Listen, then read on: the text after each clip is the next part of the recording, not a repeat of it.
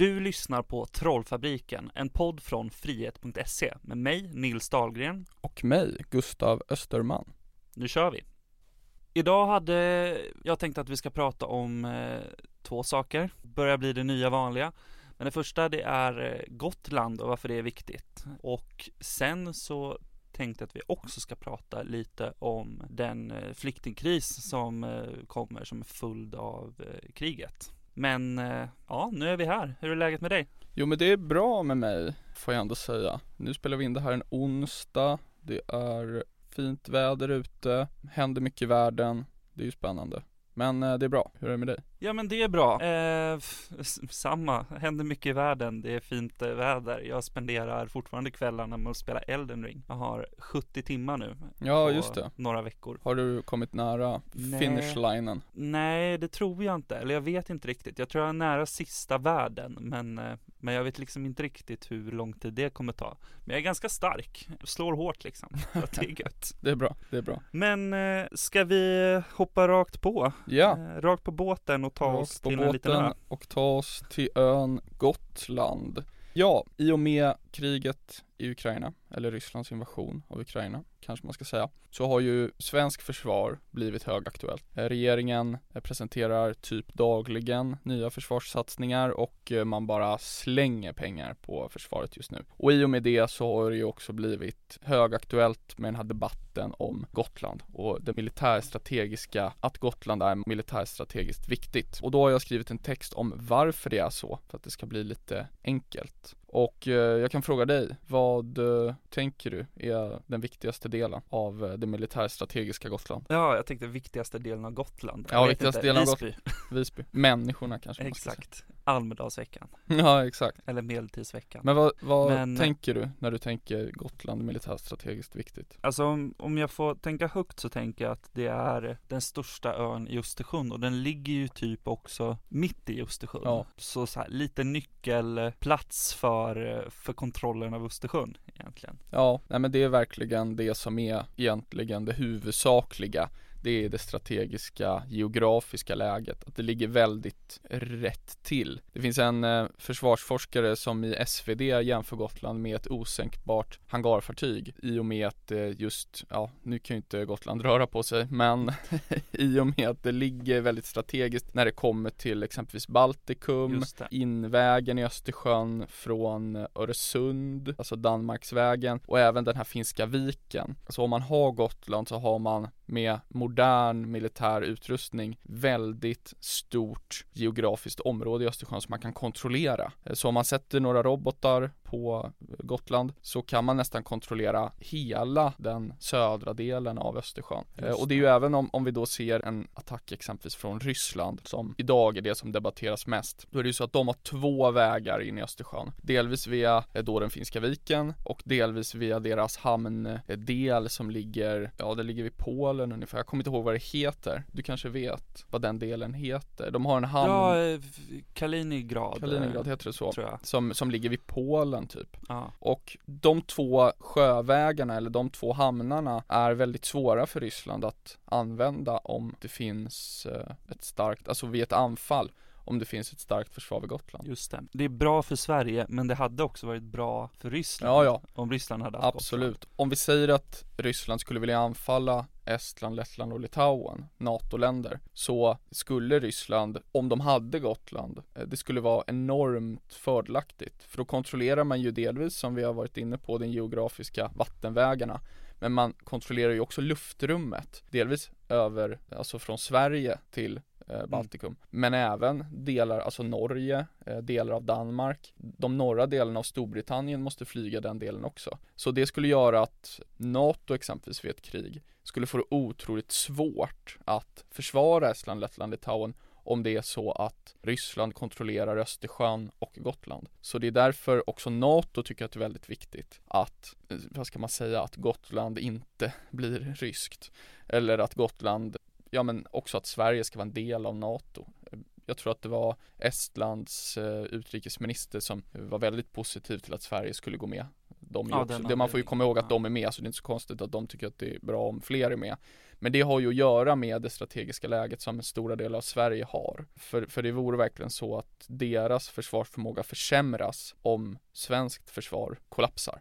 Men det är väl detta som egentligen gör Sverige till, eller så här, det är väl det som gör Ryssland till ett hot mot Sverige. För att om man tänker resten av Sverige så finns det ju egentligen inga anledningar för ryssarna att bry sig om vårt land. Nej, antagligen är det väl så. Eh, jag vet inte, Ryssland kanske vill ha Även i norra Sverige så finns det ju sådana viktiga militärstrategiska grejer. Ja, just upp Och- mot och- eh, arktiska eh, Ja, sjöfartsvägen och precis. sånt. Och ja. även Norge och såklart delar av Finland. Men det är klart att när det kommer till krig och särskilt om det skulle vara någon form av gammeldags, eh, vad säger man, invasionskrig där man ska ta över land. Det är ju inte så, det är inte så vanligt längre att man har krig på det sättet. Men den typen av krigsföring, då är det liksom, geografi är ju egentligen det enda som spelar någon roll. Det är ju superviktigt att kunna kontrollera geografiska områden, det är det hela kriget går ut på. Och då är det ju viktigt att kontrollera de geografiska områdena som gör det eh, enklare eller svårare att kunna köra på i det här Mm. kriget. Så ja, om Ryssland skulle vilja bli liksom, om, om Putin vill att Ryssland ska bli nya Stor-Ryssland, då ingår ju Estland, Lettland, Litauen och eh, i dagsläget så, alltså jag skulle nog säga att det, om man lyssnar på så försvarskunniga så, så är Gotland väldigt viktigt i Mm. försvaret. Och det är också därför väldigt viktigt att Sverige nu, som regeringen gör, satsar mycket på försvaret så att vi också kan garantera inte bara vår egen säkerhet utan även att våra allierade, alltså vi måste ju kunna garantera våra allierade att vi faktiskt kan hjälpa dem. För om vi inte kan hjälpa dem, ja då kommer inte de heller hjälpa oss. Jag tror faktiskt, alltså om det skulle bli ett storskaligt krig, då vill man ju inte stå ensam i det. Nej, just Estland, Lettland, Litauen är ju inte bara NATO-länder, de är också EU-länder. Ja, och där ja. finns det ju någon, kommer jag inte ihåg vilken artikel det är, men det finns ju en, eh, en artikel i EU-fördraget som säger att vi ska hjälpa varandra vid händelse av krig. Ja, precis, exakt. Men eh, så det geografiska läget i Östersjön, det är verkligen det, det viktigaste. I, eh, både för svenskt försvar såklart, om en fiendemakt kontrollerar Gotland så blir det ju mycket svårare att röra sig i södra Sverige också. För att då kontrollerar man en stor del av, eh, särskilt den östra, alltså sydöstra kustremsan som nästan blir oanvändbar för Sverige om det finns militära fiendesystem på Mm. Gotland. Så det är ju viktigt för svenskt försvar men det är också extremt viktigt för eh, försvaret av Baltikum och Östersjön. Tack Gotland för att, eh, Ja. och gotlänningar som är där för att ni, För att ni skyddar oss. ni skyddar oss, exakt. Ja. Och skyddar Baltikum. Ja, ja verkligen. Och eh, det, vi får väl eh, satsa mer på försvaret på Gotland. Men igen, det är klart, det finns många andra delar i Sverige som också är otroligt viktiga. Men Gotland diskuteras ofta så det var därför vi tänkte att det var roligt Mm. att skriva om just det. Så eh, man kan också läsa mer om det på frihet.se. Men eh, ska vi gå över till det som du ska prata om? Det kan vi göra. Och men det här är ju lite tyngre ämne. Men som följd av kriget i Ukraina, den ryska invasionen, så är det ju väldigt många ukrainare som tvingas fly.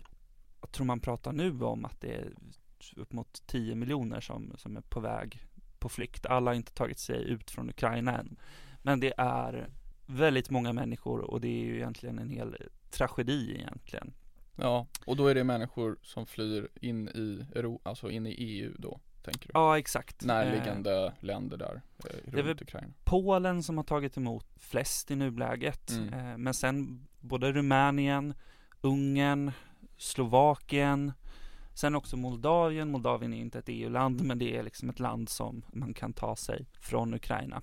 Och just flyktingar, hur EU ska hantera flyktingar och fördela flyktingar, det är ju en fråga som har varit aktuellt ända sedan, ja, egentligen innan 2015, men 2015 blev ju någon form av, ja, men något stort test där EU egentligen totalt misslyckades med att hantera en stor, stor våg människor på flykt. Och jag är väl lite orolig att man kanske inte har tagit till sig lärdomarna från 2015 och jag tror att beredskapen för både EU och Sverige Mm. den är inte riktigt tillräckligt på plats för att, för att kunna hantera detta. Mm. Och så här, opinionen i Sverige när det kommer till att ta emot flyktingar, den har ganska snabbt svängt från att vara överväldigande negativ till överväldigande positiv. Och detta gäller inte bara människor i allmänhet. Det här gäller egentligen alla politiska partier.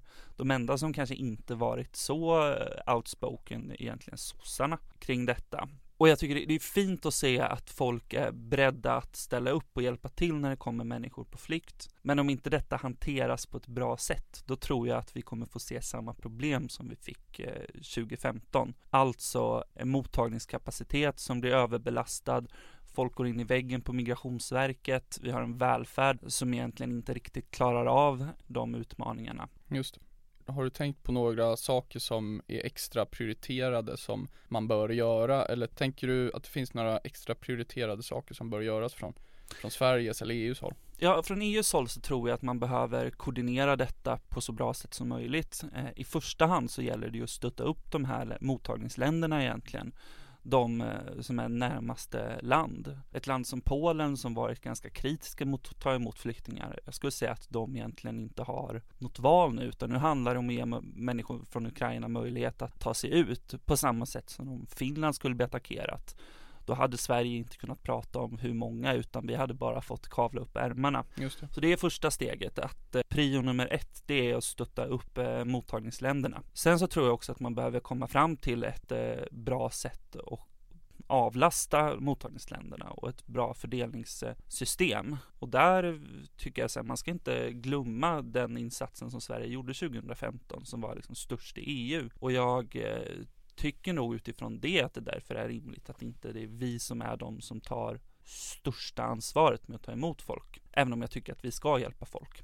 Tänker du någon form av eh, internt EU kvotflyktingsystem kanske då? Att det kommer jag tror in... nästan att man måste komma få plats eh, med något sånt. Annars så kommer det bli Dels kommer det bli helt oöverblickligt att kontrollera hur många människor som befinner sig i EU. Men det handlar också någonstans om solidaritet. Just. Men sen när det kommer till Sveriges del så tror jag att det är extremt viktigt att se till att de som kommer hit faktiskt får ett eh, värdigt mottagande och att vi eh, helt enkelt ser till att de kommuner som idag inte har en, alltså de kommuner kommuner som idag har en god ekonomi, det är också de som betalar det största ansvaret. Så att så här, dels ett mer rättvist fördelningssystem i EU med utgångspunkt att det är mottagningsländerna, alltså gränsländerna som ska ta största ansvar. Och sen då också att vi inom Sverige har ett eh, solidariskt ansvar.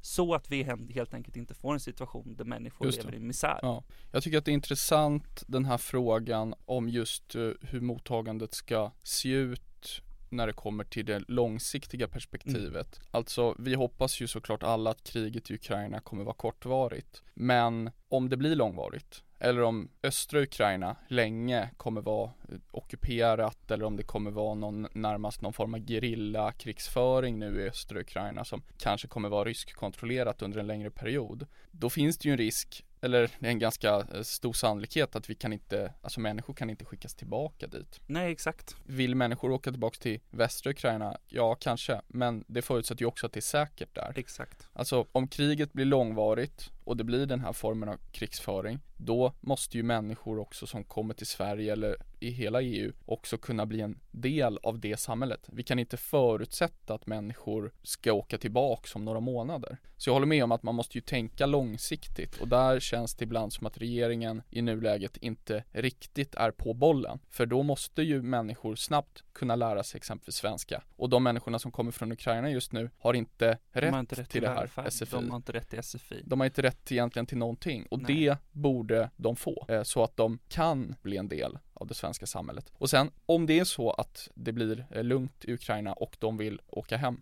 då är det helt okej okay, liksom. Men man måste ju ha det långsiktiga perspektivet, att det måste lösas, för annars kanske vi kommer stå om sex månader och det är barn och människor som då inte har fått någon chans att komma in i det svenska samhället överhuvudtaget. Där borde man göra fler satsningar än vad man gör idag, tycker exakt, jag. Exakt. Men det där perspektivet tycker jag väl också saknas lite i EU. Det man har gjort nu, vilket förvisso var nödvändigt, det är ju att man har aktualiserat det här massflyktsdirektivet, vilket gör att ukrainare som flyr inte gör det på samma grunder som folk som söker asyl gör. Det utgår dock ifrån att det kommer vara kortvarigt, att man får uppehållstillstånd ett år med möjlighet till förlängning. Men att som sagt, man ska inte få ta del av välfärden på samma sätt som andra flyktingar. Och då är vi ju inne, åtminstone nära inne på att vi har det här systemet som eh, Moderaterna pratade ganska mycket om Ja, eh, under ja, 2016-2017. Att vi har någon form av A och B-medborgare. Mm. Och okej, igen, om kriget blir kortvarigt, då är inte det ett problem. För då får folk skydd och sen kan de åka tillbaks.